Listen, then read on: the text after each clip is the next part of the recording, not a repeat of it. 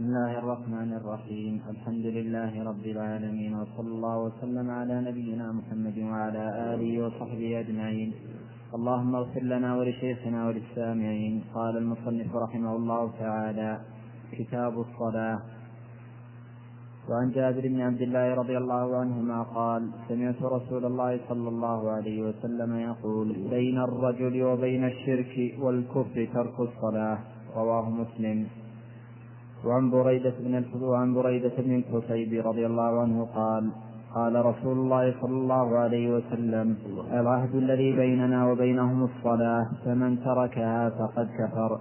رواه أحمد وابن ماجه والنسائي وابن حبان والترمذي والحاكم وصححاه وقال هبة الله الطبري هو صحيح على شرط مسلم.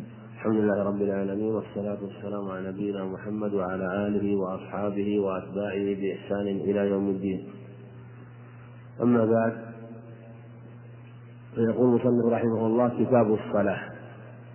والصلاة هي أعظم أركان الإسلام بعد الشهادتين ومكانتها وعظمتها من الإسلام أمر معلوم تواترت بذلك الأخبار في الكتاب العزيز والسنة النبوية في بيان أهميتها. ولهذا ضربها الله عز وجل على النبي عليه الصلاة والسلام مباشرة بلا واسطة ولم يجعل بينه وبينه وبين النبي عليه الصلاة والسلام فرضها سفيرا بل عرج به عليه الصلاة والسلام عرج به ثم عرج به ثم فرضت عليه هذه الصلوات خمس صلوات في اليوم والليلة. ولهذا هي أعظم أركان الإسلام وأهمها بعد الشهادتين. ولا حظ في الإسلام لمن ترك الصلاة. والمصنف رحمه الله ذكر في الباب هذين الحديثين حديث جابر وحديث بريدة. هذا ما يتعلق بتركها ما يتعلق بحكم بحكم تاركها. أما فرضيتها وما جاء من النصوص الفرضية فهذا أمر كما سبق جاءت بذلك الأخبار الكثيرة. أما حكم تاركها فاختلف العلماء فيه ولم يصح من الأخبار لم يصح من الأخبار المرفوعة إلى النبي عليه الصلاة والسلام إلا لم يصح إلا هذين الخبرين حديث جابر وحديث بريدة في بيان حكم تارك الصلاة. فمن ترك الصلاة ما حكمه؟ المراد تركها بلا جحد. أما إذا جحدها فهو كافر باتفاق أهل العلم. من جحد وهذا ليس في الصلاة خاصة بل في جميع فرائض الإسلام المعلومة. فمن جحد شيئا منها فهو كافر مرتد. من جحد فرض الزكاة كافر. من جحد فرض الصوم كافر. من جحد فرض الحج كافر. من جحد تحريم الربا والخمر والزنا وما أشبه ذلك فهو كافر. من جحد تحريم الطيبات وقال إن اللحم حرام كافر أو الخبز حرام كافر. هذه هذا أمر معلوم عند أهل الإسلام. في أن من جحد أمرا معلوما من الدين بالضرورة أنه مرتد حلال الدم والمال أعظم من الكافر كفرا أصليا. كفره أغلظ من كفر اليهودي والنصراني لأنه كفر طارئ. والكفر الطارئ أعظم وأغلظ من الكفر من الكفر الأصلي. ولهذا قال عليه الصلاة والسلام من بدل دينه فاقتلوه. فالمقصود من تركها بلا جحد تركها غير جاحد لها. فاختلف العلماء فيه ذهب بعضهم إلى أنه كافر مطلقا. وقال آخرون إنه ليس بكافر إنه ليس بكافر وإن كان ذنبه أعظم من الكبائر أعظم من الربا والزنا والخمر. هو قد أتى ذنبا عظيما لكن ليس بكافر. واستدلوا بالأدلة التي جاءت بتعليق الإسلام والإيمان بالشهادة ومن شهد أن لا إله إلا الله. والأولون قالوا إن من ترك الصلاة فلا حظ له في الإسلام وإيمانه باطل وغير صحيح ودلت النصوص الصحيحة على كفر من ترك الصلاة. ولهذا المصنف صدر بهذين الحديثين حديث جابر رضي الله عنه وهو أصح خبر في هذه المسألة بين الرجل وبين الشرك ولفظ بين الرجل وبين الشرك والكفر ترك الصلاة. هنا المراد به عرف الكفر فلا يكون إلا الكفر المخرج من الملة. ترك الصلاة. وحديث بريدة أيضا وهو حديث صحيح رواه الخمسة أحمد وأبي السنن العهد الذي بيننا وبينهم الصلاة. فمن تركها فقد كفر. والعهد الذي بين يعني المراد العهد الذي بيننا وبين المنافقين وسا بيننا وبينهم الصلاة. فمن تركها فقد كفر. أو بيننا وبين أهل الإسلام من كان مؤديا لها فهو دلالة على إسلام ومن كان تاركا لها فهو كافر. العهد الذي بيننا وبينهم الصلاة. فمن تركها فقد كفر. وأيضا ثبت في الخبر الصحيح من حديث شقيق بن عبد الله أنه عند الترمذي أنه قال لم يكن أصحاب رسول الله صلى الله عليه وسلم يرون شيئا من الأعمال تركه كفر إلا الصلاة.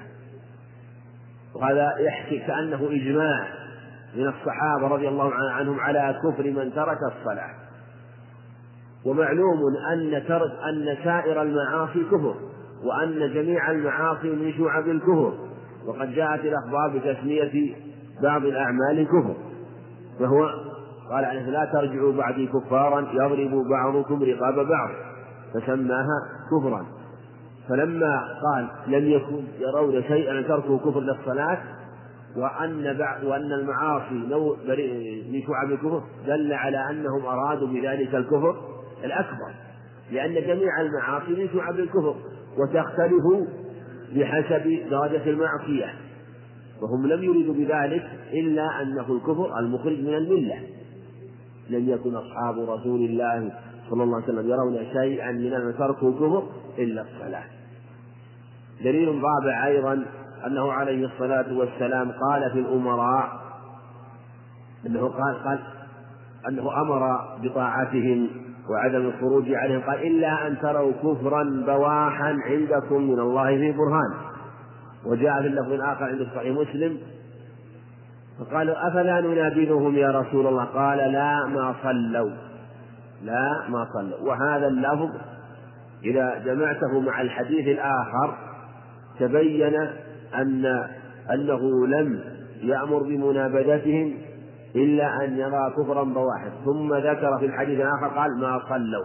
فدل على أن ترك الصلاة من الكفر من الكفر. ولهذا قال كفر بواح الكفر بواح الظاهر الواضح البين. فلهذا قالوا إن تركها كفر. وهذا هو الأظهر من جهة النظر في الأدلة فيكون خاصا بالصلاة وحدها. أما بقية أركان الإسلام من من الزكاة والصوم والحج هذه اختلف السلف فيها. منهم من كفر من ترك الزكاة من لم يزكي أو لم يصم أو لم يحج. عقد النية على أنه لا يحج مع القدرة والاستطاعة. وجاءت أدلة تدل على على ذلك.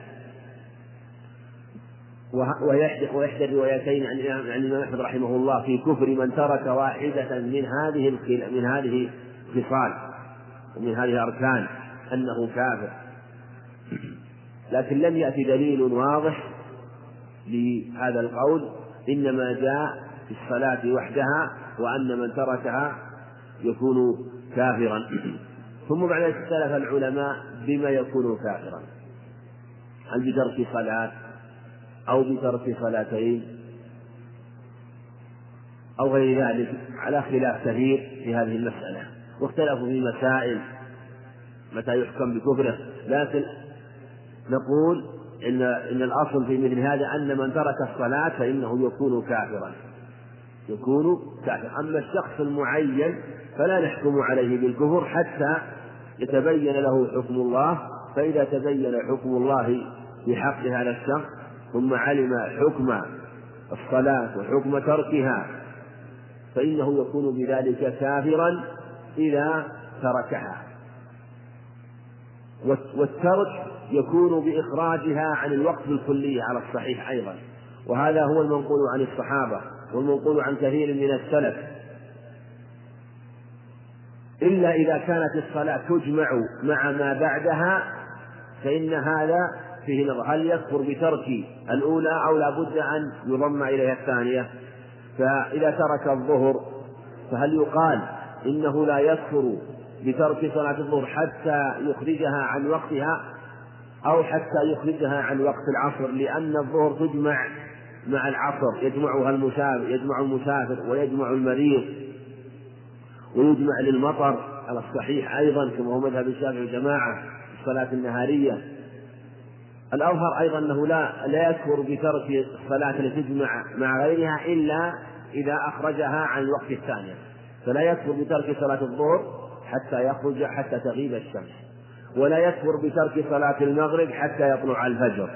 لأن المغرب تجمع مع العشاء والعشاء يمتد وقتها الاختياري إلى نصف الليل ووقتها الاضطراري إلى طلوع الفجر. فلا يكفر بترك صلاة المغرب حتى يطلع الفجر. وهذا قول إسحاق بن راهوية رحمه الله وقول جماعة من أهل العلم. أما إذا كانت لا تجمع مع غيرها فإنه يكفر بتركها. كصلاة الفجر مثلا. كصلاة الفجر. فإنها لا تجمع غيرها مع غيرها. فإنها فوقتها يمتد إلى طلوع الشمس من طلوع الفجر الصادق إلى طلوع الشمس. فمن ترك الصلاة متعمدا بلا عذر من تركها متعمدا فإنه يكون بذلك كان هذا هو الأصل. ولأنه في الحقيقة إذا أخرجها عن وقتها أن أخرجها عن وقتها هو كمن لم يصلي. لأن المقصود من الصلاة أن يوقعها في وقتها. أما لو صلاها في غير وقتها فمن قال إن هذه الصلاة مقبولة؟ ومن قال إنه صلى؟ الصلاة لا حد محدود. إن الصلاة كانت على المؤمنين كتاب موقوتة فهي مؤقتة ومحددة.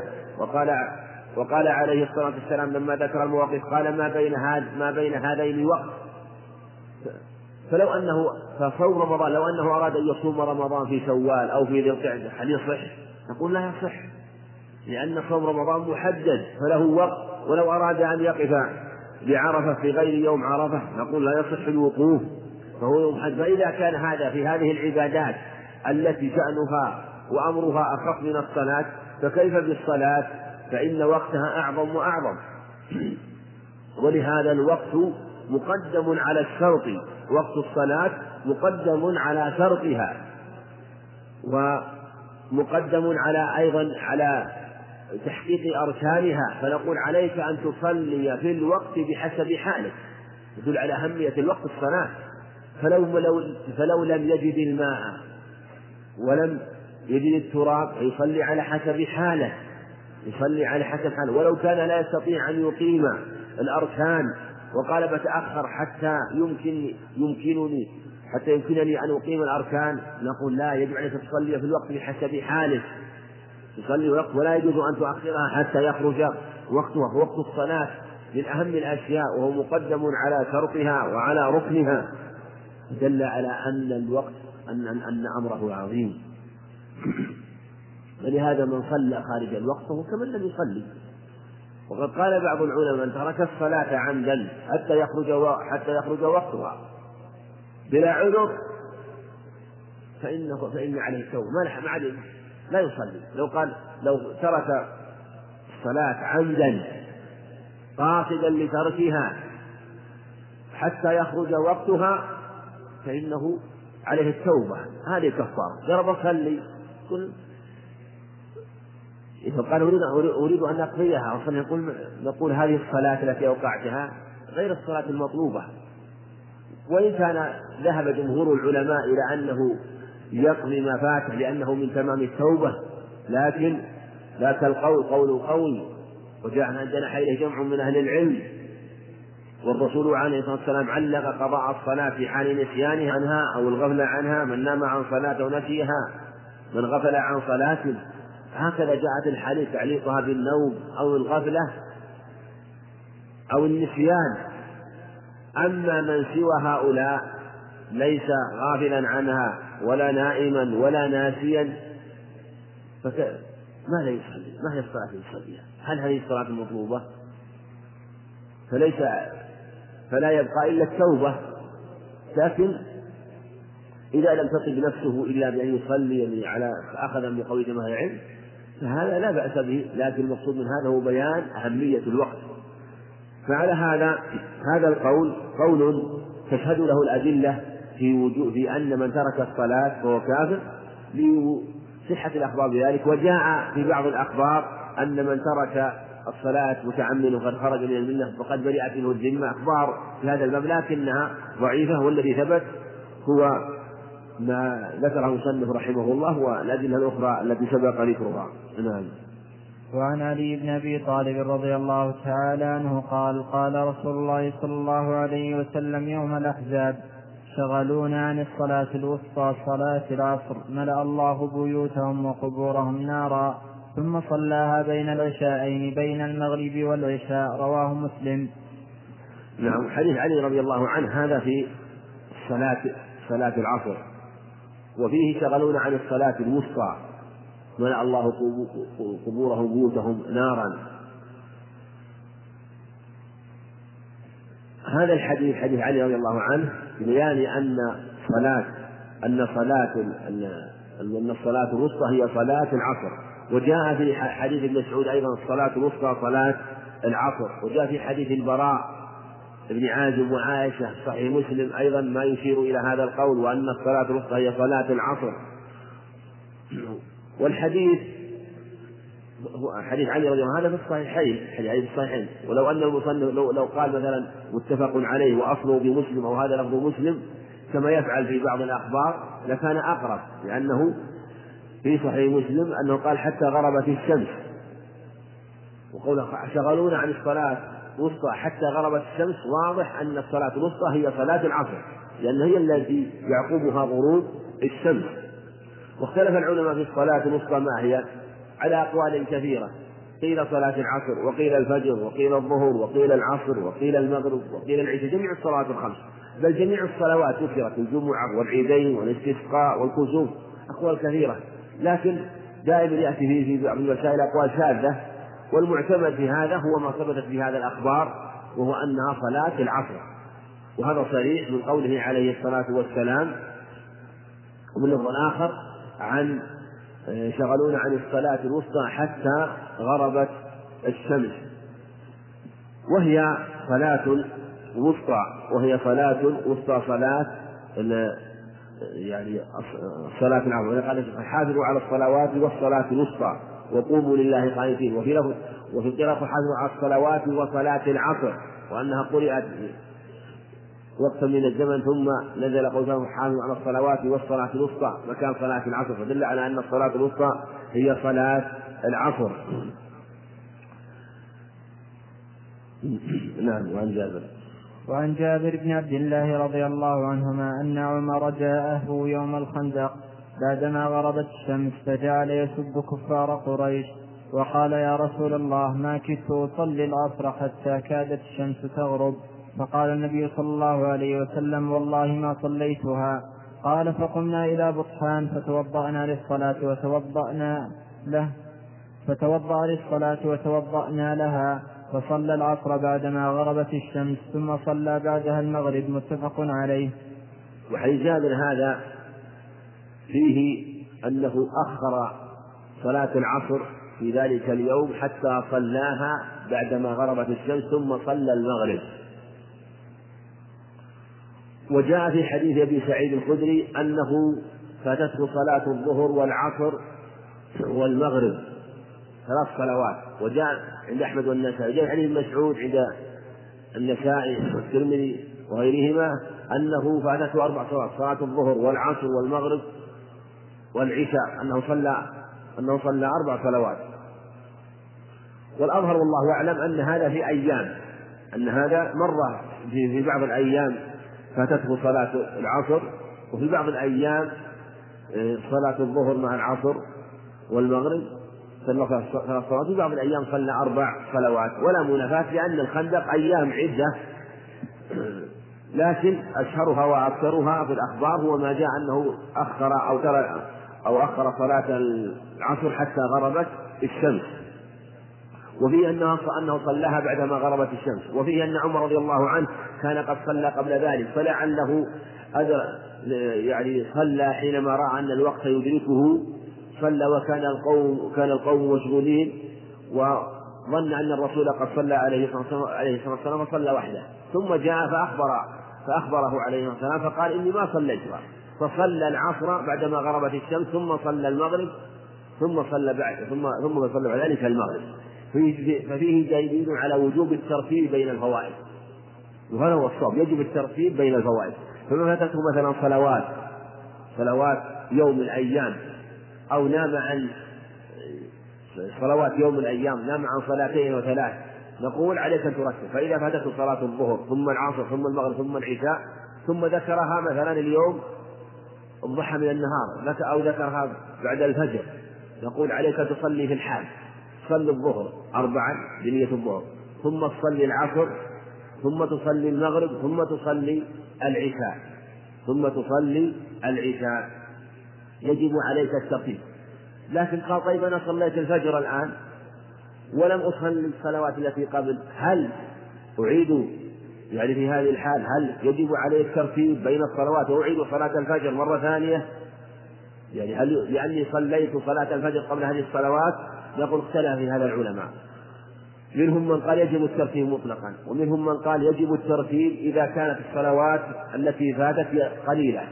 والأظهر والأع أنه أن الترتيب أنه مع النسيان لا يجب الترتيب.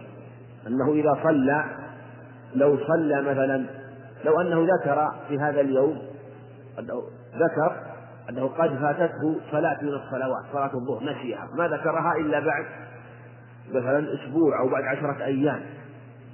نقول ما يجب أن تعيد الصلوات كلها. وكأنك لم تصلي هذه الصلوات لأنه فاتك صلاة من الصلوات في ذلك اليوم والصلوات يجب ترتيب نقول لا. يسقط الترتيب في هذه الحال. حتى ولو كانت الصلوات قليلة ولو كانت الصلوات قليلة يسقط الترتيب. وهذه المسائل لها صور كثيرة لها صور كثيرة. من ذلك مثلا ما وقع له عليه الصلاة والسلام. حينما غابت الشمس وكان لم يصلي صلاة العصر. ففي هذه الحال يصل الواجب أن يصلى صلاة العصر ثم يصلي صلاة المغرب لأن المغرب لأن وقتها لا زال. لأن المغرب لا زال وقتها موجودا. لم يفت فالواجب الترتيب. هكذا مثلا لو حضرت صلاة العصر في حقك وأنت لم تصلي الفجر ولا الظهر. تركت صلاة الفجر والظهر لعذر أو نوم أو غير ذلك تقول ماذا أعمل؟ نقول نقول وقت ما دام نقول ما دام الوقت متسعا في صلاة العصر صل الظهر الفجر ثم صل الظهر مرتب ثم صل العصر. يجب عليك الترتيب. هذه حالة هذا يقول لكني ما لم أذكر صلاة الفجر أو الظهر إلا عند قرب عند غروب الشمس. لم يبقى من وقت غروب الشمس إلا مقدار لم يبقى مقدار غروب الشمس إلا مقدار مثلا يعني أربع ركعات مع ثلاث سبع صلاة العصر أربع و والظهر أربع والفجر ركعتان والفجر ركعتان. قال لم يبقى إلا مقدار سبع ركعات بس. للفجر ركعتين والظهر أربع هذه ست. وما لم يبقى إلا مقدار سبع ركعات الذي هو وقت نقول في هذه الحال يجب عليك أن ترتب لأنك يمكنك أن تصلي الفجر ركعتين والظهر ركعتين وتدرك من وقت العصر قبل غروب الشمس ركعة. ومن أدرك ركعة قبل أن تغرب الشمس فقد أدرك فقد أدرك فقد أدرك. لكن إذا كان الوقت ضايع يقول الآن الشمس قريبة من الغروب ولا يمكن أن يتوضأ إلا وقد تضيفت وقرن وجوده فلو صليت مثلا الفجر والظهر غابت الشمس غابت الشمس. ولو أني صليت مثلا الفجر الفجر والعصر صليت الفجر والعصر لم تغتسل تصلي الفجر ثم صلي العصر الحاضرة ثم صلي الظهر. صلي الظهر. فعليك أن تبدأ بالترتيب. عليك أن تبدأ بالترتيب. وإذا قال تضايق الوقت مطلقا. ما يمكنني لا أصلي لا فجر ولا ظهر وحتى يفوت وقت العصر. نقول يسقط الترتيب للفجر وللظهر وتصلي صلاة العصر. تصلي صلاة العصر. ثم تصلي الفجر والظهر. ونقول إن الترتيب يسقط في هذه الحال ولا يجب لا يسقط الترتيب بين العصر وبين غيرها. لماذا؟ لأن الوقت للحاضرة الوقت للحاضرة. ولأنك لو صليت الفجر والظهر والعصر فات ثلاث صلوات. فاتك ثلاث صلوات. وإذا صليت العصر في وقتها فإنه لا تفوت الصلاة بل يفوتك صلاتان. وكونه يفوتك صلاتان أسهل وأهون من كونه كونك يفوتك صلاة ثلاث صلوات فعلى هذا نقول القاعدة في هذا إذا تضايق الوقت إذا تضايق الوقت فلا يجب الترتيب. إذا تضايق الوقت فلا يجب الترتيب. بل تقدم الحاضرة ويسقط ترتيب الفائتة لأن الوقت للحاضرة وهي صاحبة الوقت وهي أولى بوقتها. من جهة من جهتين. من جهة أنها هي أولى بالوقت ومن جهة ثانية أنك لو صليت الفائتة لزم عليه تفويت الحاضرة. هذه صورة من صورها أيضا لو أنك ذكرت صلاة الظهر عند إقامة صلاة العصر. العصر وقتها متسع لكن تقول دخلت المسجد يوم دخلت المسجد وأردت الصلاة أو دخل دخل مسجد الصلاة فذكر أنه لم يصلي صلاة الظهر أو ذكر أنه صلى صلاة الظهر على غير طهارة أو ذكر أنه مسح لصلاة الظهر وقد انتهى مسحه. المقصود هذا يقع كثير يقع كثير إما أن يصلي الإنسان الظهر على غير وضوء فيذكر عند دخول المسجد أو يصلي مثلا ويمسح صلاة للظهر وقد انتهى المسح قد انتهى مدة المسح أو لغير ذلك من الأعذار تبين أنه لم يصلي. ودخل المسجد والصلاة قد أقيمت. والصلاة قد أقيمت. أو أو, أو أنهم يقيم سواء دخل في الصلاة أو أنها تقام. يعني ما يمكنك أن تصلي الظهر. وقتها لا زال متسع. في هذه الحال اختلف العلماء. والأظهر والله أعلم أننا أن يقال إنك في هذه الحال تدخل بنية الظهر. تصلي معهم بنية فهم يصلون العصر والإمام يصلي العصر. وأنت تصلي الظهر تصلي الظهر. ثم بعد ذلك إذا فرغت من صلاة الظهر التي صليتها وهي في حق الإمام العصر تصلي أنت صلاة العصر. تصلي ولا يضر اختلاف النية في مثل هذه الحال. بوجوب الترتيب والقدرة عليه والوقت متسع ولا يلزم على اختلاف النية تأخير وذهاب للوقت. فعليك أن تصلي العصر الظهر تصلي معهم العصر بنية الظهر ثم بعد ذلك تصلي الظهر. نعم وعن أنس. وعن أنس بن مالك رضي الله عنه قال قال رسول الله صلى الله عليه وسلم إذا رقد أحدكم عن الصلاة أو غفل عنها فليصلها إذا ذكرها فإن الله تعالى يقول أقم الصلاة لذكري رواه مسلم. وعن أبي هريرة رضي الله عنه عن النبي صلى الله عليه وسلم قال من نسي صلاة فوقتها إذا ذكرها. رواه الدار قطني والبيهقي بإسناد لا يثبت. حديث أنس هذا أيضا في صحيح البخاري. لكن المصنف رحمه الله ذكر هذا اللفظ الذي هو عند مسلم هذا لفظ مسلم. وحديث أبي هريرة أيضا موجود عند مسلم. موجود عند مسلم لكن بغير هذا اللفظ. كأن المصنف رحمه الله آثر هذا اللفظ عند الدار قطني لقوله فوقتها لأن الصريح في وقتها.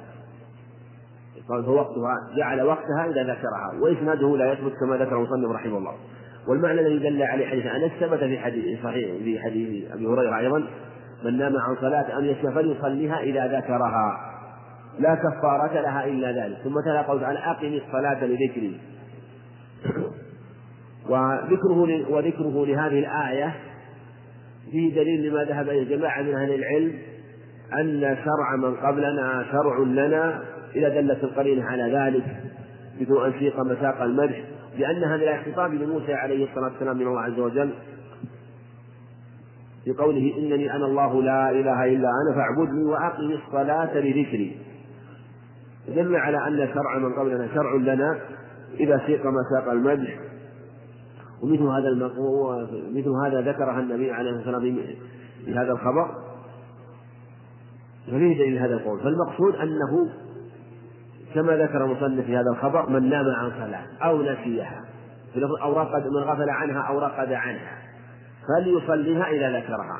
وهذا هو الواجب. كل صلاة يذكرها المكلف فإنه يجب أن يصليها في الحال. في أي وقت. هذا هو وقتها.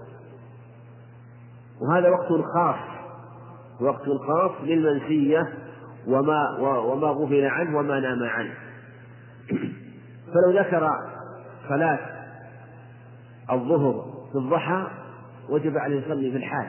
لو ذكر صلاة الفجر بعد العشاء وجب عليه يصلي الفجر في الحال. لو ذكر صلاة الفجر بعد العصر وجب عليه يصلي. ذكر صلاة الظهر بعد العصر وجب عليه يصلي في الحال. هذا هو وقتها.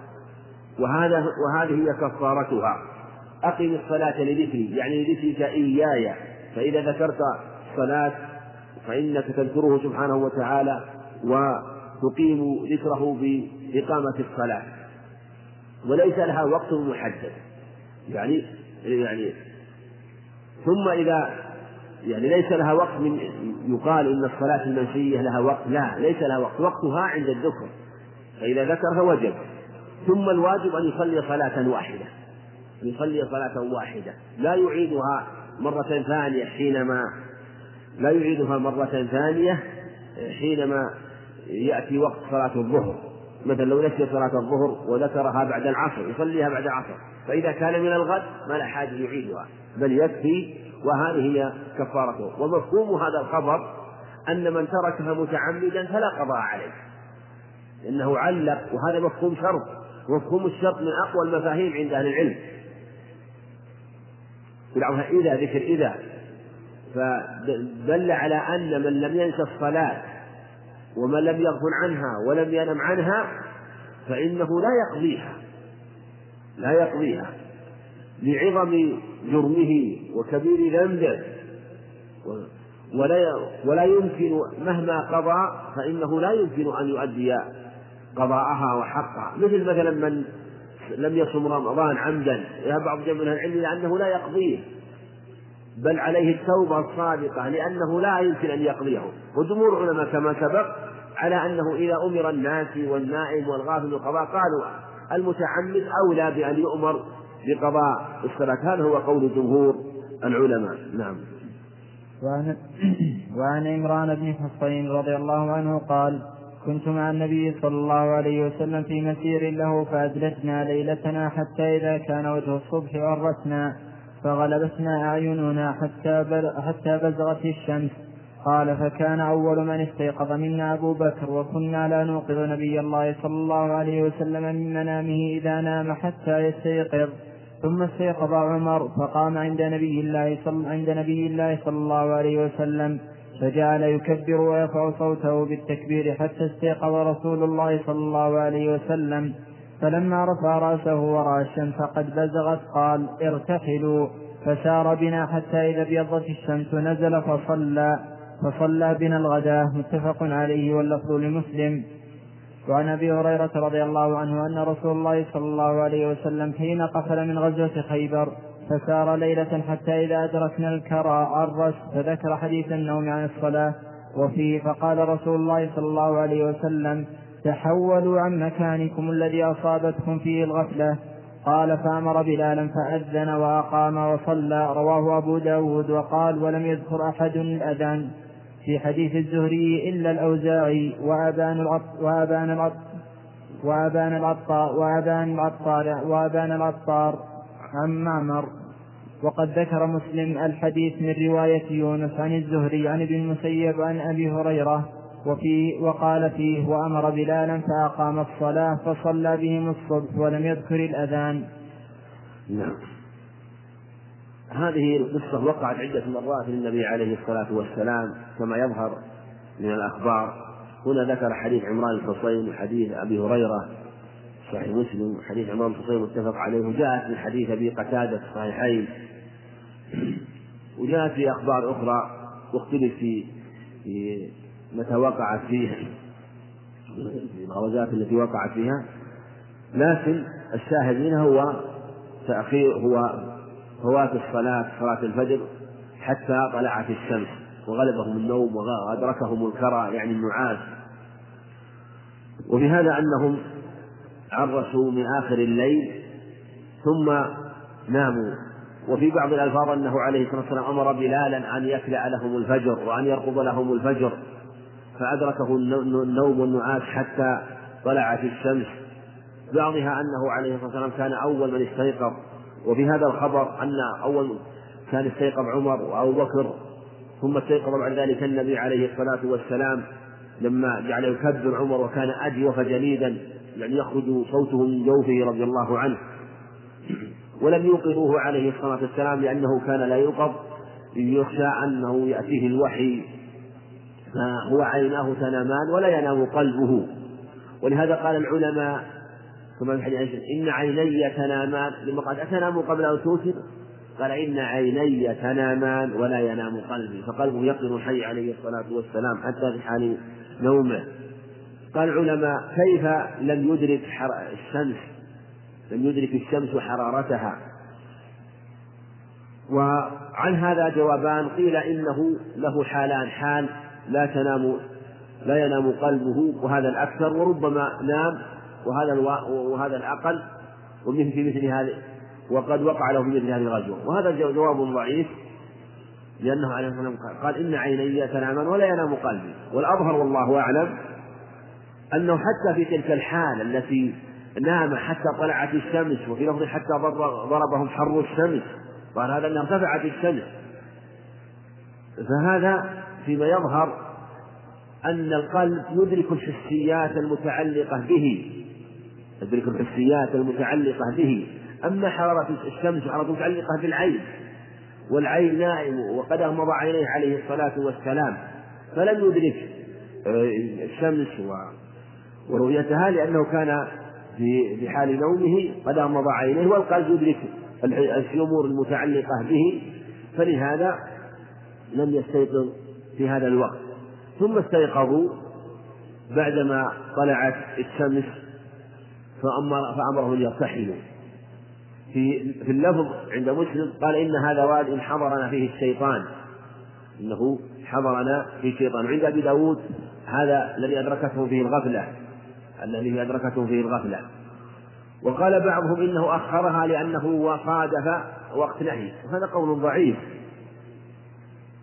ليس لأنه صادف وقت نهي وأنه صادف بلوغ الشمس. لأن لأن الصلاة تصلى إذا فاتت ونسيت في أي وقت. من نام عن صلاة كيف يصليها إذا ذكرها. ثم أيضا جاءت الأخبار صريحة في أنها قد ضربتهم الشمس وحر الشمس. وبعد هذا بعد ارتفاع الشمس وذهابها في السماء شيئا وارتفاعها. فللتعليل ما علل به عليه الصلاة والسلام أنه قال إن هذا واد حضرنا فيه الشيطان. بلفظ آه، ذكر الغفلة كما في رواية أبي داود أصابتكم فيه الغفلة. فعلى هذا فيما يظهر والله أعلم أنه خرج من هذا المكان لأنه مكان حصل فيه شيء من الغفلة وترك الوقت فأحب عليه والسلام أن يتركه إلى مكان آخر كما أخبر بذلك. ثم بعد ذلك خرج إلى مكان آخر فأمرهم فتوضأوا ثم أمر بنا فأذن ثم أقام الصلاة. وهذا يبين أن الإنسان عليه أيضا يعني أن يترك المكان الذي أصابته فيه الغفلة إلى مكان آخر؟ وهل يشرع هذا أو لا يشرع؟ ظاهر الخبر أنه يشرع لأنه فعل عليه الصلاة والسلام وعلل في هذا التعليل وهذا يقع لكل مكلف. يقع لكل مكلف. وكوننا لا نعلم أن الشيطان وجد أو ليس وجد لا يجب وإن كان علل بأنه هذا موضع أدركه فيه الشيطان والرسول عليه الصلاة والسلام بتعليم الله يعلم ذلك لكن سائر المكلفين إذا نزل إذا أصابته الغفلة في مكان فإنه وإن لم يكن من إدراك الشيطان ومن تسوير الشيطان أو لم يكن حضر الشيطان أو هو لا يعلم أن حضر الشيطان هذا المكان فإنه يصدق عليه التعليل الآخر أنه أصابته فيه الغفلة والموضع الذي أصابته فيه الغفلة يشرع تغييره ويدل عليه حديث عند أهل السنن أنه عليه الصلاة والسلام أمر من كان يستمع الخطبة فنعس أن يتغير من مكان إلى آخر إذا تيسر ذلك لأنه نعس في هذا الموطن فإذا تيسر أن ينتقل من مكان إلى آخر فإنه أفضل لأنه موضع قد حصل له فيه شيء من الغفلة ولأنه أيضا يكون له شيء من النشاط ونوع من النشاط بالحركة والتغير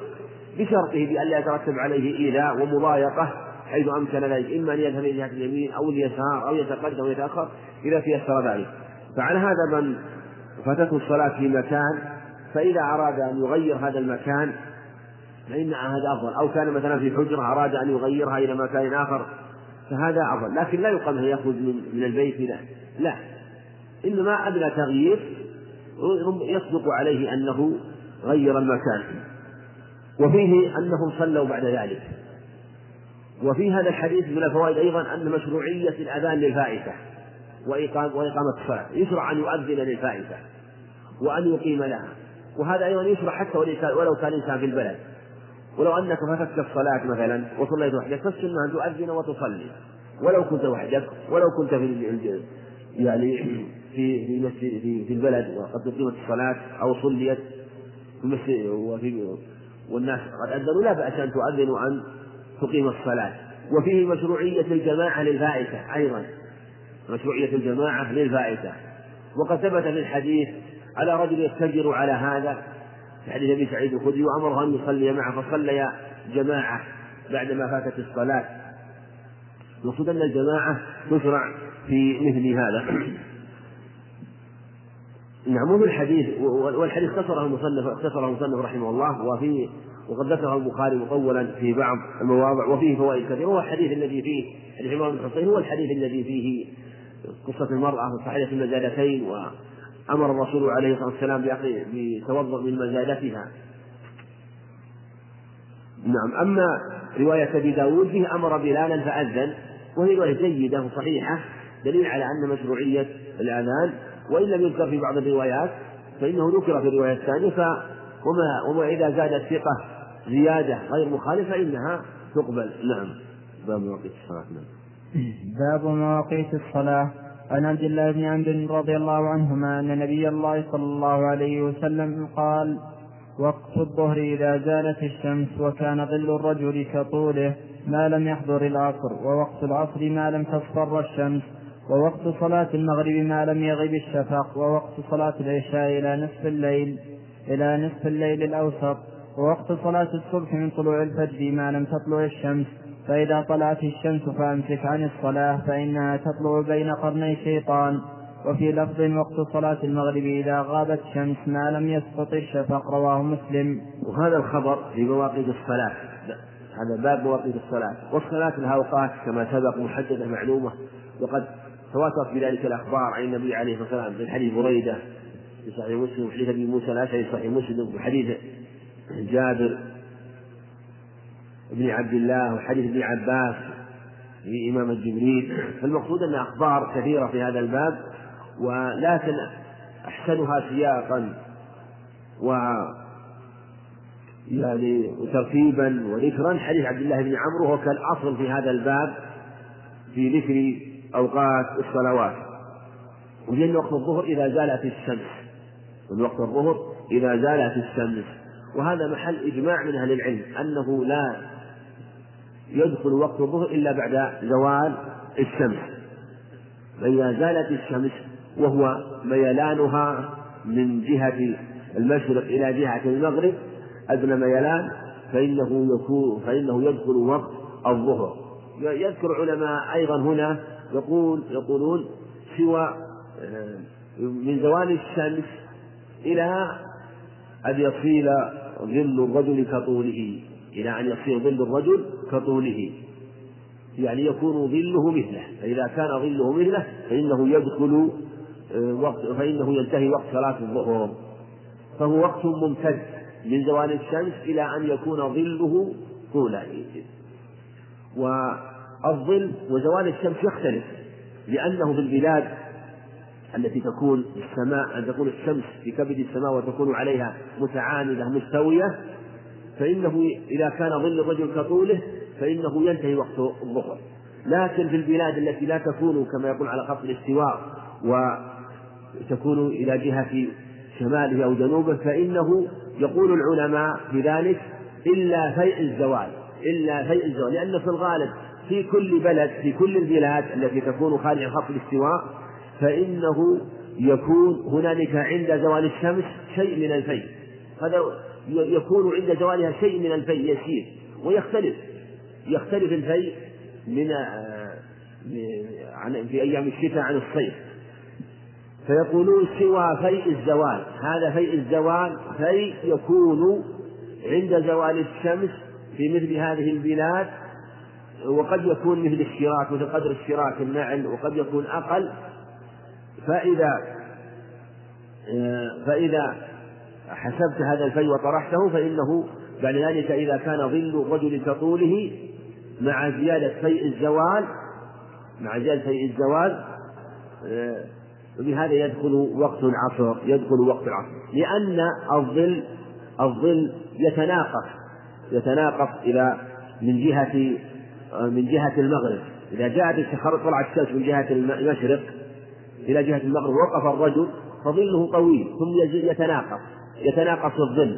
حتى إذا كانت الشمس في كبد السماء وفي البلد الذي يكون على الشمس مستوية عليه يذهب الظل بالكلية. أما إذا لم تكن الشمس مستوية متعامدة على رأسه فإنه ينقص الظل حتى يبقى ظل يسير. ظل يسير. فتعرف ذلك بأن الظل يتناقص ويتناقص حتى ينتهي تناقصه ثم بعد ذلك لا ينقص يبقى شيء يسير في البلاد التي لا تكون متعامدة على تكون متعامدة عليها. يبدأ بعد ذلك إذا زالت يبدأ الظل بالزيادة. أن تحسب يكون ظل الرجل كطوله من بداية الزيادة سوى هذا الفيء الذي بقي سوى هذا الفيء الذي بقي. فهو يسمونه فيء الزوال يسمونه فيء الزوال. فإذا امتد هذا الفيء وكان كطول الرجل بهذا ينتهي وقت صلاة الظهر ينتهي وقت الاختياري وهل وقت صلاة الظهر مع وقت صلاة العصر يتداخل أو لا يتداخل؟ الصحيح أنهما لا يتداخلان. صحيح أن الظهر والعصر قال بعض العلماء إن وقت الظهر والعصر متداخل. والصواب أنه بمجرد انتهاء وقت الظهر يدخل وقت العصر. فإذا حتى تصفر الشمس في هذا الخبر. وفي اللفظ الآخر وكان ظل الرجل مثليه فوقت فالظهر لها وقت من زوالها إلى أن يكون ظل الرجل كطوله. والعصر من كون ظل الرجل كطوله إلى أن تصفر الشمس. وفي اللفظ الآخر حتى يكون ظل الرجل مثليه وجاء في اللفظ الآخر أنه أن من أدرك ركعة من صلاة العصر حتى فقد قبل أن تغرب الشمس فقد أدرك. فعلى هذا يكون لوقت العصر ثلاثة أوقات في الجمع إذا جمعت بين الأخبار يكون لها ثلاثة أوقات. وقت استحباب ووقت جواز ووقت ضرورة. وقت استحباب ويمتد إلى أن يكون ظل الرجل مثليه ظل الرجل مثليه ووقت جواز وهو من ذلك الوقت إلى أن تصفر الشمس إلى أن تصفر الشمس. ووقت ضرورة من تضيفها وهو اصفرارها وميلانه نجاه المغرب إلى أن تغيب الشمس. إلى أن تغيب الشمس. هذه أوقات العصر ولا يجوز تأخير صلاة العصر إلى ميلانها وقربها من الغروب لأنه وقت ضرورة كما سيأتي في الخبر. ووقت صلاة العصر ما لم تصفر الشمس ووقت صلاة المغرب ما لم يغيب الشفق وهذا ثبت في الأخبار أنه عليه الصلاة والسلام كان يصلي المغرب إذا توارت بالحجاب وبلفظ إذا غربت إذا غرب. فبغروب الشمس يدخل وقت صلاة المغرب. وقت ويمتد إلى مغيب الشفق الشفق الأحمر. وهذا جاء فيه خبر. والصحيح أن وقتها ممتد أيضا أن وقتها ممتد إلى مغيب الشفق. ووقت صلاة العشاء إلى نصف الليل الأوسط. واختلف العلماء في صلاة العشاء والصواب ما دل عليه الخبر وأنه إلى نصف الليل. وجاء في حديث أنس أنه أخر صلاة العشاء إلى نصف الليل كما عند البخاري. وجاء في حديث أبي سعيد الخدري عند أحمد وعن السنن أنه أخر صلاة العشاء إلى نصف الليل وفي لفظ حتى ذهب عامة الليل وفي لفظ حتى ظهار الليل. وهذه الأخبار تدل على أن وقت صلاة العشاء يتأخر إلى نصف الليل. ووقت الضرورة من نصف الليل إلى طلوع الفجر. لحديث أبي قتادة ليس التفريط في النوم إنما التفريط في اليقظة أن يؤخر الصلاة حتى يدخل حتى يدخل وقت صلاة الأخرى. والأفضل في صلاة العشاء هو التأخير ما لم يشق على الناس. فإذا كان لا يشق على الناس فإنه يؤخر. وهذا سيأتي في الخبر أيضا. ووقت صلاة الصبح طلوع الفجر ما يطلع الشمس. فإذا طلع الفجر وهو الفجر الصادق لا الفجر الكاذب الذي كذا بالسرحان يكون أبيض مستطيل في كبد السماء ثم يذهب ويعقبه ظلمة لا المراد من البياض الذي يخرج وينتشر.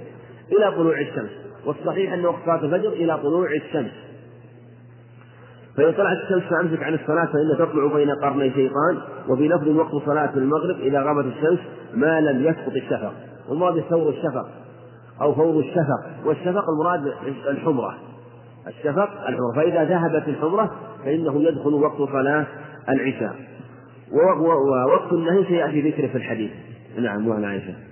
وعن عائشة رضي الله عنها قالت كن نساء المؤمنات يشهدن مع النبي صلى الله عليه وسلم صلاة الفجر متلفعات بمروطهن ثم ينقلبن إلى بيوتهن حين يقضين الصلاة. لا يعرفهن أحد من الغلس متفق عليه.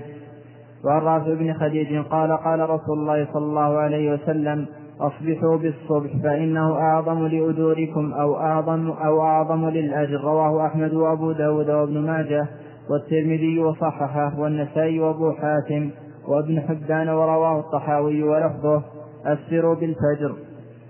فكلما أسرتم فهو أعظم للأجر أو قال لأجوركم. نعم وهذا خبر عائشة فيه أن النساء كن يصلين مع النبي عليه الصلاة والسلام في صلاة الليل وصلاة النهار وفي هذا صلاة الفجر صلاة نهارية وأنهن كن يحلفن ويصلين صلاة الفجر وكن متلفعات له متلفعات في مروطهن مع أنها صلى في الظلمة ومع ذلك كن يتلفعن ويتلففن رضي الله عنهن بمروطهن ويختبرن بها. وقال وهذا في الخبر أنهن إذا صلى يعرفن من الغلس ثم ذكر حديث أصبحوا بالصبح وهو حديث جيد. حديث صحيح روي من عند الطرق. أصبحوا بالصبح إنه أعظم الوجوه فيقول أسفروا بالفجر. المصنف رحمه الله ذكر الخبر الذي فيها لا يعرفن من الغلس ثم ذكر أصبحوا بالصبح.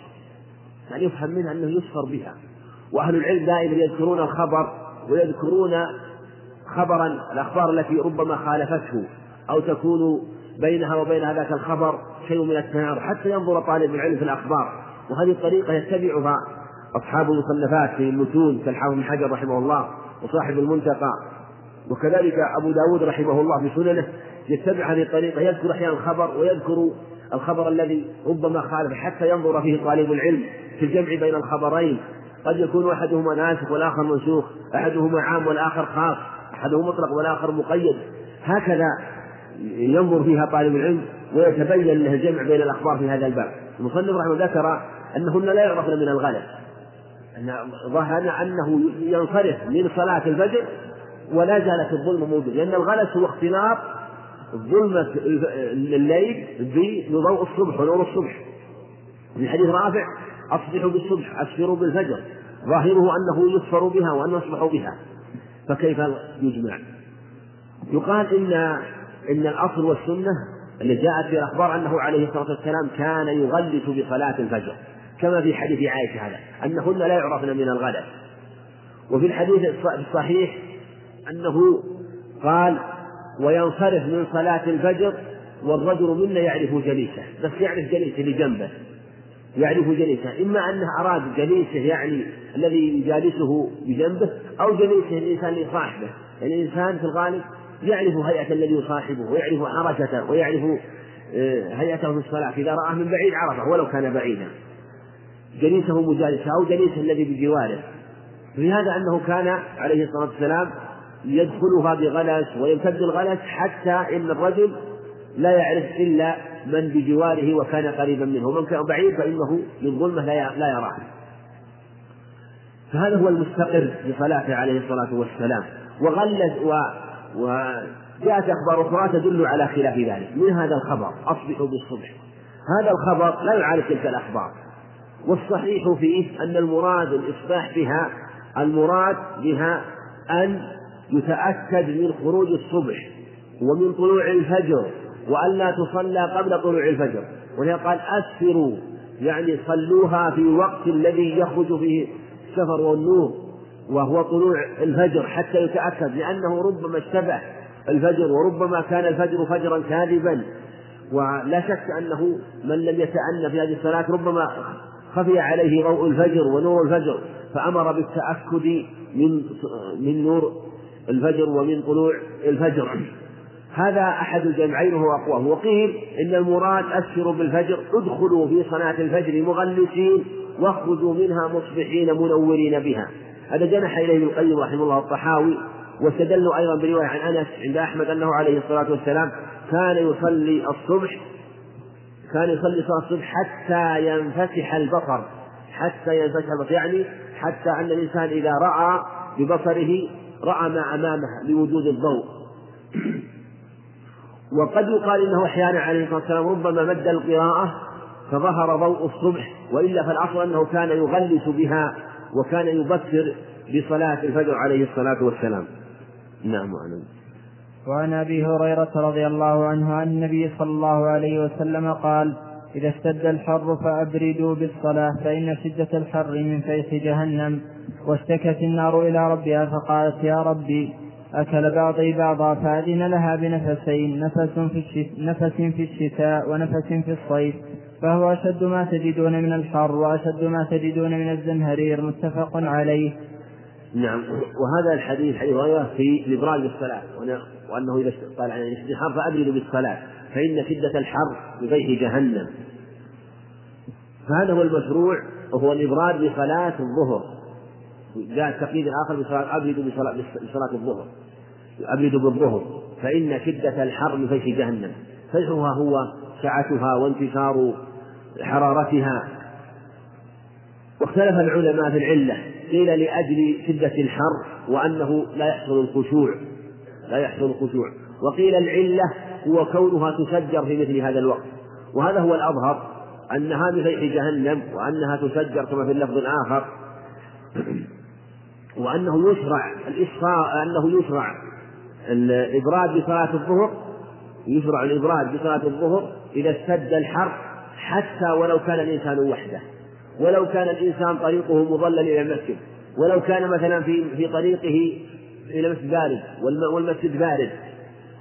لأننا إذا قلنا أن العلة هو ذهاب الخشية والخشوع ذهاب الخشوع في الصلاة فقال بعض العلماء إنه إذا ذهبت لم توجد علة وهو أنه حضور حضور الخشوع والخشية في الصلاة لوجود البراد في الطريق المسجد وجود برا المسجد فلا فلا فلا يبرد بها، لكن نقول إن الصواب فيه أن علة الإبراد بأن جهنم تسجر في مثل هذه الوقت، فلهذا يشرع الإبراد بها، فعلى هذا يشرع الإبراد بها سواء كان فردا أو جماعة، ولو كان الإنسان بجوار المسجد، ولو كان الناس ولو كانوا جماعة مثلا في برية وكانوا يصلون في مكانهم يعني محل نومهم ومحل صلاتهم أو كانوا جماعة محل اجتماعهم ومحل صلاتهم. نقول أبردوا بالصلاة فإن شدة الحر من ريح جهنم.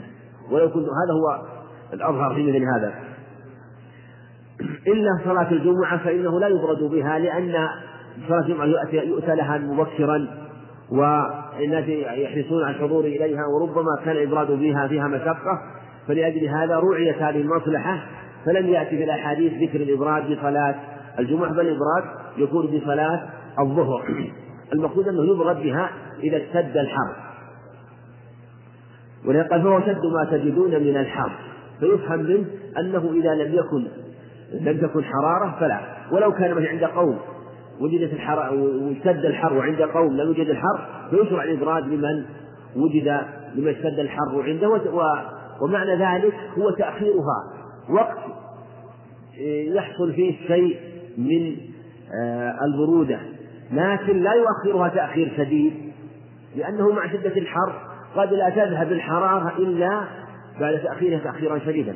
وحديث في حديث خباب شكونا إلى النبي صلى الله عليه وسلم حر الشمس فلم يفتنا فلم يفتن شكوا, شكوا حر الشمس في جباههم وفي أيديهم فلم يفتن هذا اختلف العلماء فيه. قيل إنه منسوخ ثم بعد ذلك أذن لهم في الإبراج وقيل إنهم طلبوا تأخيرها تأخيرا زائدا لأن شدة الحر إذا شد الحر فإنه في الغالب لا تذهب الحرارة إلا بعد تأخير تأخير شديد ربما أفضى إلى خروج وقته فكأنهم طلبوه تأخيرها زائدا يفضي إلى خروجها عن وقتها.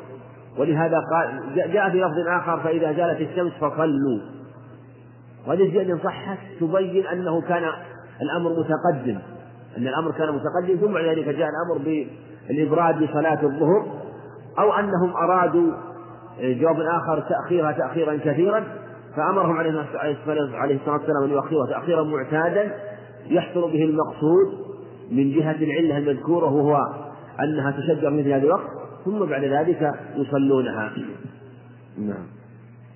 وعن أنس بن مالك رضي الله عنه قال كان رسول الله صلى الله عليه وسلم يصلي العصر والشمس مرتفعة حية فيذهب الذاهب إلى العوالي فيأتي والشمس مرتفعة وفي رواية إلى قباء متفق عليه وفي رواية البخاري وبعض العوالي من المدينة على أربعة أميال أو نحوه.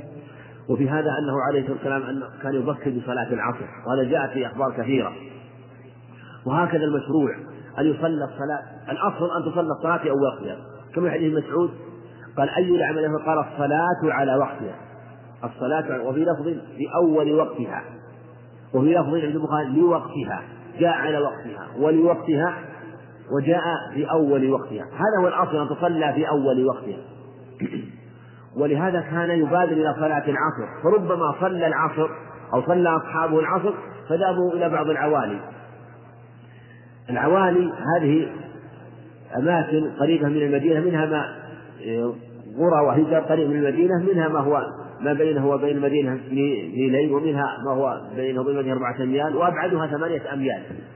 وهي إلى من جهة المدينة إلى جهة نجد. بخلاف السافلة فإنها إلى جهة التهامة والعالي إلى جهة نجد. ف وبعضها أربعة أميال كما في هذه الرواية. وهذا يبين أنهم يصلون العصر ثم بعد ذلك يسيرون هذه يمشون هذه المسافة أربعة أميال. ويأتون إلى إليهم والشمس مرتفعة. وفي يأتون والشمس حية؟ ويأتون إليهم وهم لم يصلوا العصر. هذا يدل على أنه كان يبادر إليها ويبكر بها عليه الصلاة والسلام. ولهذا في الحديث الصحيح قال وبكروا بصلاة العصر. فإنه من فاتت صلاة فقد من فإنه من, من ترك صلاة العصر فقد حبط عمله. من ترك من فاتته حديث ابن عمر من فاتته صلاة العصر كأنما وفر أهله وماله. وفي لفظ آخر من ترك صلاة العصر فقد حبط عمله فأمر بالتبكير بها والمبادرة إليها فهذا هو المشروع كما كان يفعل عليه الصلاة والسلام. نعم. وعن رافع بن خديج رضي الله عنه قال كنا نصلي المغرب مع النبي صلى الله عليه وسلم فينصرف أحدنا وإنه ليبصر مواقع نبله متفق عليه. وعن عائشة رضي الله عنها قالت اعتم رسول اعتم رسول الله صلى الله عليه وسلم ذات ليلة. وعن عائشة. وعن عائشة رضي الله عنها قالت اعتم رسول الله صلى الله عليه وسلم ذات ليلة حتى ذهب عامة الليل وحتى نام أهل المسجد ثم خرج فصلى فقال إنه لوقتها لولا أن أشق لولا أن أشق على أمتي. وفي رواية لولا أن يشق رواه مسلم. وفيها حديث رافع. بدلالة على أنه كان يبكر بصلاة المغرب كما سبق في صلاة العصر. ولهذا كان يصليها إذا توارت بالحجاب. ويصلي وكان يصلي كان الصحابة رضي الله عنهم يصلون قبل المغرب ركعتين ثم يبادر إلى إقامة الصلاة عليه الصلاة والسلام. وكان يدخل الداخل ويظن أن الصلاة قد صليت بكثرة من يصلي ركعتين. فالمقصود أنه يصلى قبلها ركعتين ثم بعد ذلك تقام. يبادر إليها الوقت. حديث رافع أنه كانوا يبصرون مواقع نبلهم دلالة على أنهم رضي الله عنهم كانوا يحرصون على عبادة الجهاد وكانوا يحرصون على الرمي بالنبل بعد الفراغ من العبادة رضي الله عنهم. للمحافظة على الاستعداد للجهاد وهكذا كانوا رضي الله عنهم. كانت همتهم عالية في في الحفاظ على أبدانهم وقوتهم وعلى الحفاظ على نعم على نعمة الرمي. ولهذا جاء في الخبر أنها من ترك فهو نعمة كفرها ومن تعلم الرمي ثم ثم نسي فليس وترك ثم نسي فليس منا. في لفظ فإنه نعمة كفرها. فهم خرجوا من عبادة الصلاة. هذه عبادة ثم بعد ذلك كانوا يرمون النبل إلى عبادة الجهاد رضي الله عنهم. يدل على ارتباط هذه العبادات عندهم. وأنهم كانوا مستعد كانوا مستعدين متهيئين في أحوالهم فلو بادرهم عدو أو غير ذلك فإنهم كانوا على تم الاستعداد وكانوا يرمون النبل كما ذكر رافع رضي الله عنه. و وكان وكانوا أشداء وأقوياء ربما ذهب النبل بعيدا. والنبل مراد السهام وإذا رمى النبل كان يراه ولو كان بعيدا. وهذا يبين أنه بعد صلاة المغرب مع أنهم كانوا إيه، يعني كان عليه الصلاة يصليها صلاة متأنية. ويرى موقع النبل والنبل صغير السهم صغير يدل على أنه كان يبكر بها قبل أن يظلم وقبل أن آه، تظلم الدنيا بعد في ذلك الوقت. فالمقصود هو المبادرة إليه وهذا شاهد الأخبار في أن أفضل الصلاة في أول وقتها وهذا هو الأصل في صلاة المغرب وغيرها من الصلوات. وفي حديث اللي سبق أنه كان يصليها إذا توارت بالحجاب يبادر إليها عليه الصلاة والسلام. حديث عائشة أنه أعتم رسول الله صلى الله عليه وسلم بصلاة العشاء يعني أخرها وجعلها في العتمة. أعتم هو العتمة. العتمة وهي أنهم كانوا يعتمون بالإبل ويحلبونها وقت العتمة فأخرها إلى قريب من الثلث أو بعده بقليل فليبين أن تأخير صلاة العشاء أفضل إذا أمكن ذلك. وفي حديث عند البخاري حديث ابن عباس حديث ابن عمر خرج عمر فقال يا رب نام النساء والصبيان. حديث أنس أخرها إلى نصف الليل. في حديث آخر إلى عام ذهب عامة الليل. وقال إنه لوقتها لولا أن أشق على أمتي. وقتها الأفضل أن تؤخر صلاة العشاء مطلقا. العشاء الأفضل أن تؤخر تأخيرا مطلقا. وصلاة الظهر تؤخر وقت حرارة الشمس إذا اشتد فيضها وباقي الصلوات السنة المبادرة بها. فإذا الصلوات على ثلاثة أقسام صلوات يبادر إليها في أول وقتها وهي المغرب والعصر والفجر. هذه يبادر إليها في أول وقتها هذا هو السنة. وصلاة السنة تؤخر وهي صلاة العشاء. وصلاة تؤخر أحيانا وهي صلاة الظهر عند شدة الحر. شدة الحر فأجد بالصلاة. صلاة العشاء كما سبق الأفضل تأخيرها لكن هذا التأخير إذا لم يحصل مشقة ولهذا قال إنه لوقته لولا أن أشق على أمتي ولأنه في الغالب يحصل مشقة فالذي استقر عليه فعل عليه الصلاة أنه كان يصليها في أول وقته وبادر إليها عليه الصلاة والسلام. لكن لو أن جماعة من الناس أو إمام وجماعة وكانوا محصورين اتفقوا على تأخير صلاة العشاء واتفقوا على ذلك أو أناس مثلا في مكان في برية أو في في قرية فاتفقوا على ذلك أن يؤخروا صلاة العشاء ولا يشقوا عليه ذلك فهو أفضل وأكمل. وإلا في الأصل هو آه، يعني يبادر إليها في وقتها وإلا في الأصل هو في أفضليته هو التأخير كما قال هو إنه لوقتها لولا أن أشق على أمتي. نعم. وعن سيار بن سلامة رضي الله عنه قال دخلت أنا وأبي علي بن أبي وأبي وأبي قال دخلت أنا وأبي على أبي برزة الأسلمي. فقال, فقال له أبي كيف كان رسول الله صلى الله عليه وسلم يصلي المكتوبة؟ فقال كان يصلي الهجير التي تدعونها الأولى حين تدحض الشمس. ويصلي حين؟ حين تدحض الشمس. ويصلي العصر ثم يرجع أحدنا إلى رحله في أقصى المدينة والشمس حية. ونسيت ما قال في المغرب وكان يستحب, وكان يستحب أن يؤخر العشاء التي تدعونها العتمة وكان يكره النوم قبلها والحديث بعدها وكان ينفتر من صلاة الغداة حين يعرف الرجل جليسه ويقرأ بالستين إلى المئة وعن جابر بن عبد الله رضي الله عنه قال كان النبي صلى الله عليه وسلم يصلي الظهر بالهاجرة. يصلي الظهر بالهاجرة والعصر والشمس نقية والمغرب إذا وجبت والعشاء أحيانا وأحيانا إذا رآهم اجتمعوا عجل وإذا رآهم أبطأوا أخر والصبح كان كان النبي صلى الله عليه وسلم يصليها بغلس متفق عليهما. نعم هذان الخبران سبق ذكرهما في الأخبار الأخرى وفيه مثل ما سبق أن يصليها إذا أن الظهر يصليها إذا دحرت الشمس وهذا يبين أنه كان يبادر إليها في أول وقت. هذا هو الأصل كما سبق. إذا دحرت يعني إذا زالت الشمس صلاها إلا إذا اشتد الحر.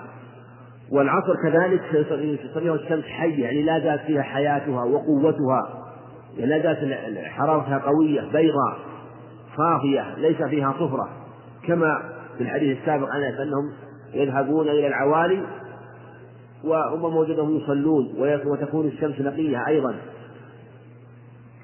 ونسيت ما قال في المغرب لكن جاءت الأخبار أنه كان يصلي المغرب إذا وجبت الشمس وأنه إذا توارت بالحجاب وهذا محل إجماع من أهل العلم.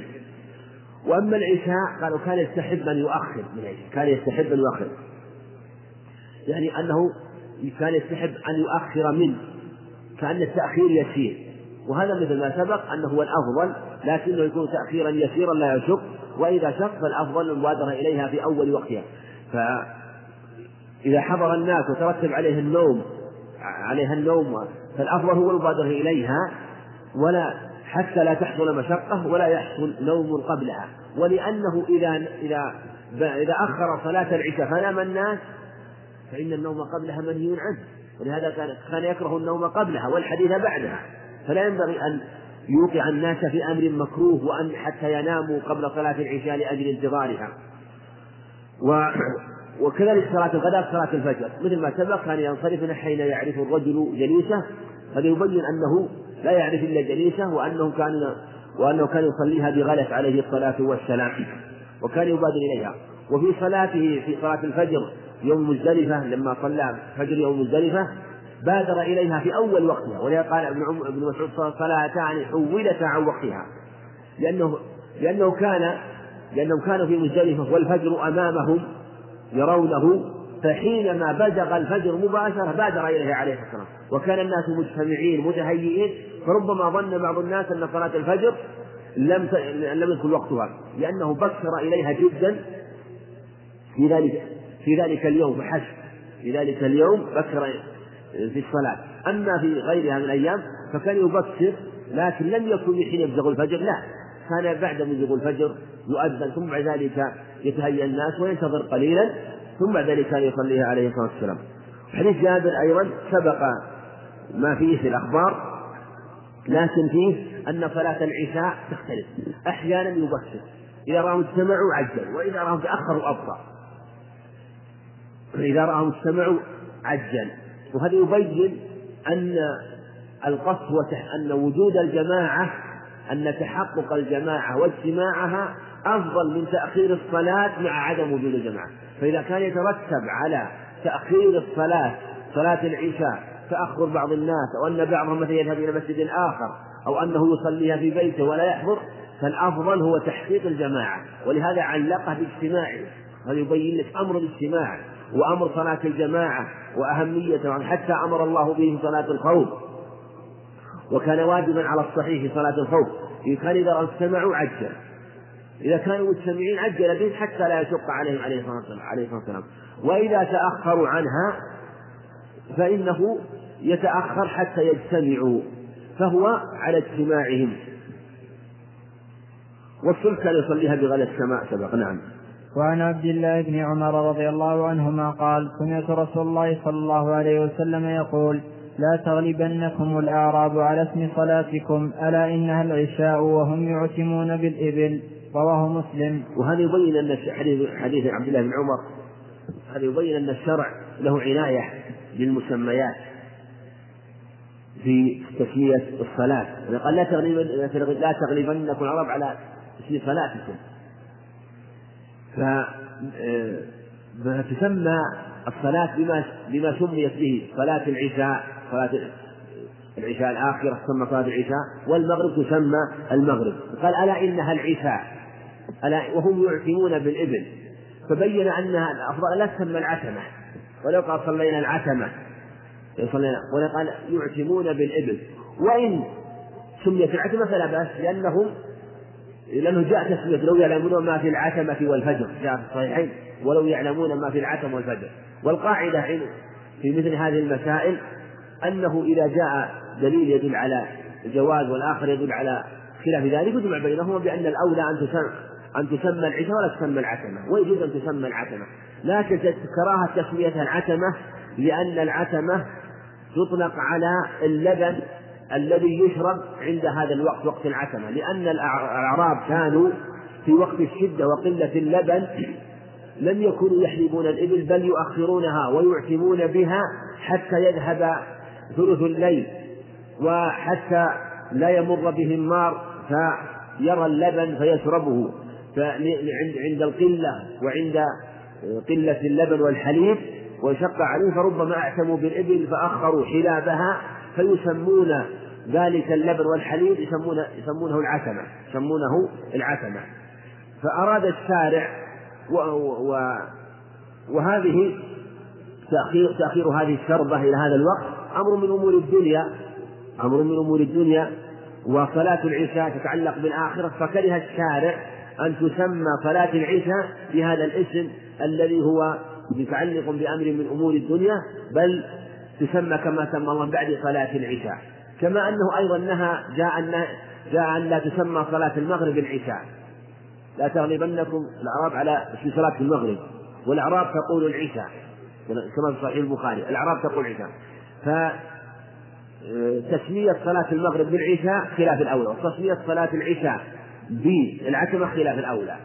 خلاف الأولى. والعلة والله أعلم في النهي عن تسمية صلاة المغرب بالعشاء لأنه ربما أوهم أن العشاء هي العشاء الآخرة فيختلف تختلف صلاة المغرب بصلاة العشاء. ويجوز أن تسمى صلاة العشاء الأولى والعشاء تسمى صلاة العشاء الآخرة لكن هذا كله على خلاف الأولى. نعم. وعن أبي هريرة رضي الله عنه أن رسول الله صلى الله عليه وسلم قال من أدرك ركعة من الصبح قبل أن تطلع الشمس فقد أدرك الصبح ومن أدرك ركعة من العصر قبل أن تغرب الشمس فقد أدرك العصر متفق عليه. نعم. وعن عائشة رضي الله عنها قالت قال رسول الله صلى الله عليه وسلم من أدرك من العصر سجدة قبل أن تغرب الشمس أو من الصبح قبل أن تطلع الشمس فقد أدركها والسجدة إنما هي الركعة. رواه مسلم. وعن عقبة بن عامر رضي الله عنه قال ثلاث ساعات كان رسول الله صلى الله عليه وسلم ينهانا أن نصلي فيهن وأن نقبر فيهن موتانا حين تطلع الشمس بازغة حتى ترتفع وحين يقوم وحين يقوم قائم الظهيرة حتى تزول وحين تضيف أي تميل الشمس للغروب رواه مسلم نعم. وعن أبي سعيد الخدري رضي الله تعالى عنه قال سمعت رسول الله صلى الله عليه وسلم يقول لا صلاة بعد الصبح حتى تطلع الشمس ولا صلاة بعد العصر حتى تغيب الشمس متفق عليه. ولمسلم لا صلاة بعد صلاة العصر حتى تغرب الشمس ولا صلاة بعد صلاة الفجر حتى تطلع الشمس. وعن أبي سلمة رضي الله عنه قال إن أنه سأل عائشة عن السجدتين اللتين كان رسول الله صلى الله عليه وسلم يصليهما بعد العصر فقالت كان يصليهما قبل العصر ثم إنه شغل عنهما. أو نسيهما فصلاهما بعد العصر ثم أثبتهما. وكان إذا صلى صلاة أثبتها. قال إسماعيل بن, بن جعفر كان داوم عليها رواه مسلم. وعن جبير بن مطعم رضي الله عنه قال قال رسول الله صلى الله عليه وسلم يا بني عبد مناف لا تمنعوا أحدا طاف بهذا البيت وصلى أية ساعة من, ليل من الليل والنهار. رواه أحمد وأبو داود وابن ماجه. وابن حبان والنسائي والترمذي وصححه وقال بعض المصنفين الحذاق رواه مسلم وهو وهم. نعم حديث أبي هريرة وعائشة في من أدرك ركعة من صلاة العصر. فقد أدرك قبل تطلع الشمس فقد أدرك العصر. ومن أدرك ركعة من صلاة الفجر قبل تطلع الشمس فقد أدرك. فليبين أن أن صلاة العصر يمتد وقتها إلى غروب إلى غروب الشمس وصلاة الفجر إلى طلوع الشمس. ومن أدرك ركعة قبل غروب الشمس فقد أدرك. وهذا الإدراك يشمل كل من أدرك هذا الوقت. وهذا يدخل فيه المعذور وغير المعذور. لكن من كان من ترك صلاة العصر متعمدا حتى تغرب الشمس حتى حتى تصل هذا الوقت ترك متعمدا حتى لم يبقى إلا ركعة فنقول قد أدرك وقت صلاة. يصلي هذه الركعة ويتمم ثلاث ركعات بعد غروب الشمس وهو آثم بتأخيره. يكون آثم بتأخيره فعليه أن يصلي هذه الركعة ويصلي بعد بعد غروب الشمس ثلاث ركعات. ومن آه، كان لعذر فإنه يدرك ويكون وليس مذنبا. مثل من نام من نام ولم يستيقظ إلا عند غروب الشمس لم يبقى إلا مقدار ركعة نقول أدركها وهو غير آثم وإذا كان نائم فهو معذور ومن نام عن صلاة أو نسيها فليصليها إذا شرعها. من باب أولى إذا أدرك ركعة منها. ويدخل في هذا الحائض إذا طهرت قبل غروب الشمس والكافر إذا أسلم والصبي إذا بلغ. فلو أسلم الكافر قبل غروب الشمس بركعة وجبت عليه صلاة العصر. وهل تجب صلاة الظهر محل خلاف؟ ولو بلغ الصبي قبل غروب الشمس بركعة وجبت عليه صلاة العصر. وهل تجب الظهر محل خلاف؟ ولو طهرت الحائض قبل صلاة قبل غروب الشمس بركعة وجبت عليها صلاة العصر وهل تجب صلاة الظهر محل خلاف. فالمقصود أنه في حق المعذور يكون مدركا مثل هؤلاء. مثل هؤلاء من يدرك هذا الوقت في حق الكافر إذا أسلم والصبي إذا بلغ والحائض إذا طهرت وكذلك في حق غير المعذور لو تركها متعمدا فإنه يكون مدركا لكن مع الإثم في صلاة العصر وفي صلاة الفجر. وقول من أدرك ركعة يبين أنه من أدرك أقل من ركعة لا يكون مدركا لا يكون مدركا. فعلى هذا لو طهرت قبل صلاة قبل غروب الشمس بلحظات لا تكون مدركة للصلاة ولا يجب عليها أن تصلي صلاة العصر ولا الظهر من باب أولى. حديث عقبة بن عامر في أوقات النهي. في ثلاث ساعات كان الرسول صلى الله عليه وسلم أن نصلي فيهن وأن نقبر فيهن موتانا. عند بزوغ الشمس وعند غروبها وعند وحينما تقوم وحينما يقوم قائم ظهرها وعندما يلاني حتى حتى تضيف الغروب. هذا المراد. حينما تضيف الغروب هذه أوقات الثلاثة. وجاء في حديث أبي سعيد الخدري أنه أنه لا صلاة بعد العصر حتى تغرب الشمس ولا صلاة بعد الفجر حتى تطلع الشمس. في حديث أبي هريرة أيضا معناه. في حديث ابن عباس أيضا حدثني رجال المرضيين وأرضاهم عند عمر. أن رسول الله صلى الله عليه وسلم نهى عن صلاة العصر حتى حتى تغرب الشمس وبعد الفجر حتى تطلع الشمس. إذا الأخبار في هذا متواترة. الأخبار في هذه متواترة في أوقات النهي. صحيحين عن أبي سعيد وعن أبي هريرة وعن ابن عباس وفي صحيح مسلم عن عمرو بن عبسة وهنا أيضا عن عقبة بن عامر كلها متواترة. وأوقات النهي أوقات أوقات النهي ثلاثة أوقات في الإجمال وخمسة أوقات عند التفصيل.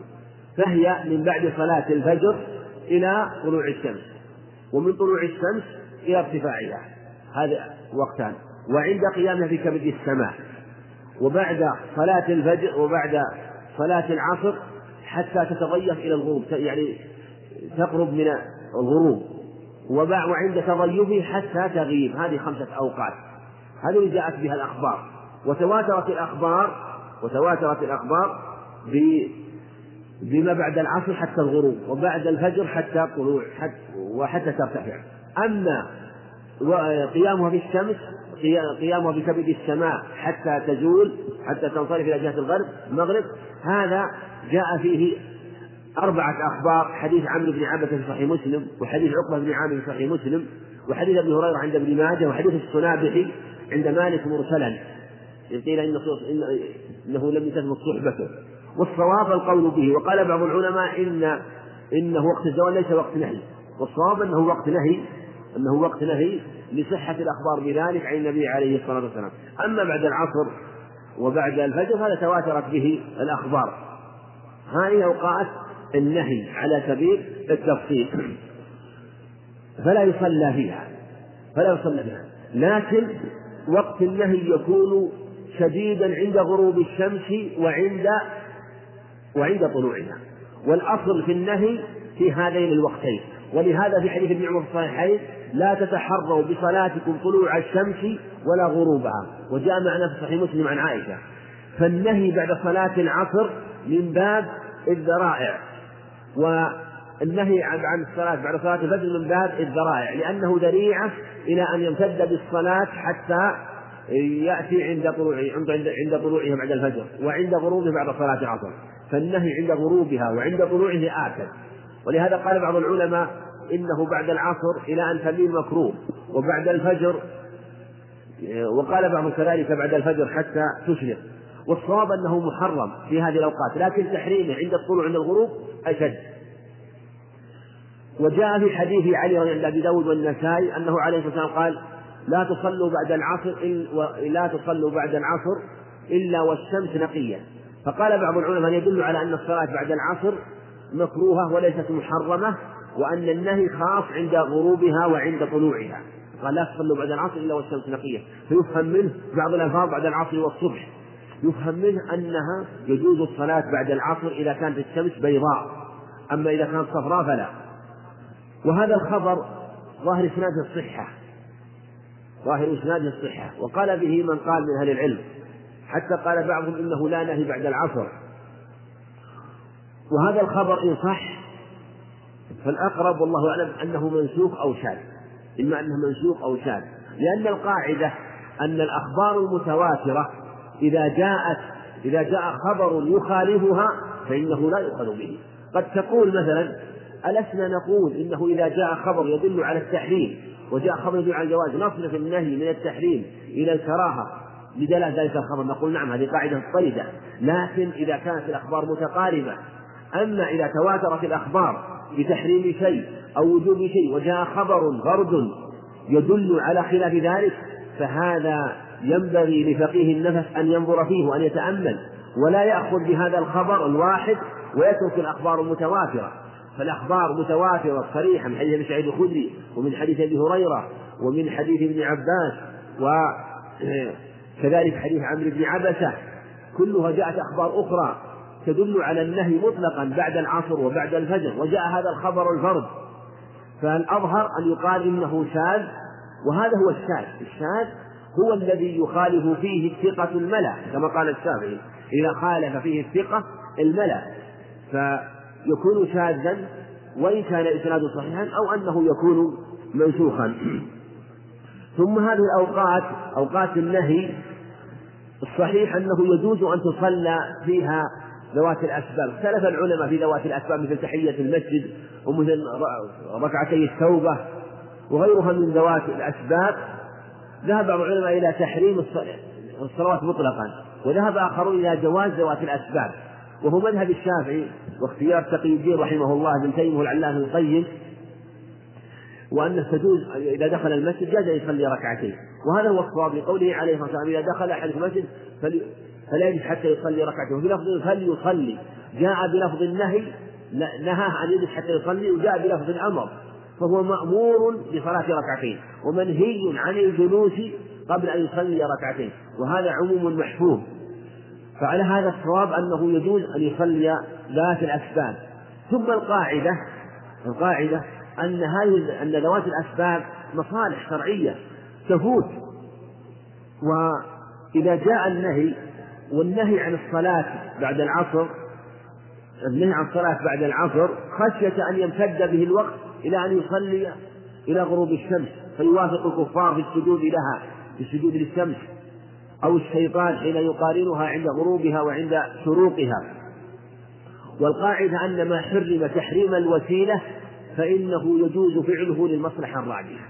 ما حرم تحريم الوسيلة والذريعة فإنه يجوز فعله للمصلحة الراجحة. وهذا جاء يأتي في الشرع كثيرا. ولهذا الخلوة بالأجنبية حرام. النظر إلى الأجنبية حرام. ويجوز للرجل أن ينظر إلى المرأة إذا أراد أن يتزوج منها. لوجود المصلحة الشرعية والمرأة لا يجوز لها أن تسافر وحدها لكن لو اضطرت للسفر وحدها للخوف على نفسها للهرب من الفساق أو من سفرة جاز لها أن تسافر. بل وجب عليها تسافر للمصلحة الشرعية لأن ما تتركه أعظم وما تقع فيه أعظم من آه، تركها كونها تكون بين أيديهم الفساد فيه أعظم من كونها تسافر وحدها. فلهذا لوجود هذه المصلحة فإنه يجوز أن يصلى في مثل هذا الوقت. ولأنه من يقال لا تدخل المسجد هذا الوقت أو أنك إذا دخلت آه، تقف واقف حتى يخرج الوقت النهي أو تجلس. وهذه كلها مخالفات خاصة لو جلس فإنه يخالف أمره عليه الصلاة والسلام بأنه لا يصلي حتى يصلي ركعتين. وحديث عائشة في السدتين بعد صلاة العصر لما صلاهما. هاتان السدتان جاءت أكثر الأخبار في أكثر الأخبار أنها أنهما ركعتا الظهر. وجاء في هذا الخبر صحيح مسلم أنه يصليهما قبل العصر. وقد والأظهر والله أنه يراد أنه يصليهما قبل العصر من جهة أنها صلاة بعد الظهر والصلاة التي بعد الظهر هي قبل العصر. وإلا لم لم يشخص أنه عليه الصلاة والسلام كان يصلي بفعله كان يصلي قبل العصر ولم يكن للعصر راتبة إنما المعروف في الخبر الحث على الصلاة بعد العصر. بعد العصر في حديث ابن عمر قبل العصر. صلاة بعد قبل العصر في حديث ابن عمر رحم الله امرأ صلى قبل العصر أربعة. وفيه أنه عليه الصلاة والسلام صلى هاتين الركعتين بعد العصر. وقال إنه جاءني وفد ثقيف. جاءني وفد ثقيف وإنه وإني صليت أصليهما الآن. شغلوني عن هاتين الركعتين وإني أصليهما الآن. فصلاهما لما شغله الوفد. فعلى هذا أخذ بعض العلماء من هذا الخبر أنه يجوز أن تقضى الرواتب يجوز أن تقضى الرواتب. من هذا الخبر. وهذا هو الأظهر أنه يجوز قضاء الراتبة يجوز إذا فاته إذا فاتت فإنه يجوز قضاؤه مذهب الشافعي وقال تقي الدين رحمه الله إنه قوي. والرسول عليه الصلاة والسلام كان بعد ذلك إذا صلى العصر صلى بعدها ركعتين. قالت عائشة ركعة ركعتان ما تركهما النبي عليه الصلاة والسلام قبل الغداة وبعد صلاة العصر. كذلك حديث أم سلمة. أنه كان يصلي هاتين الركعتين من العصر وكان إذا عمل عملا أثبته. كان إذا عمل عملا أثبت عليه الصلاة والسلام. ولما صلى هاتين الركعتين من العصر داوم عليها وأثبتها. لكن من أراد قضاءها فإنه يقضيها ولا يداوم عليها. لا يداوم عليها. بل فلو فلو فات صلاة راتبة بعد الظهر لا بأس أن تصليها بعد العصر. وقد صلى عليه الصلاة والسلام راتبة الفجر بعد طلوع الشمس. لما صلى الفجر لما طلعت الشمس وهو لم يصلي الفجر صلى ركعتي الفجر. سنة. ثم صلى الفجر عليه الصلاة والسلام. ويدخل في عموم قوله عليه الصلاة والسلام من نام عن صلاة فليصليها إلى ذاك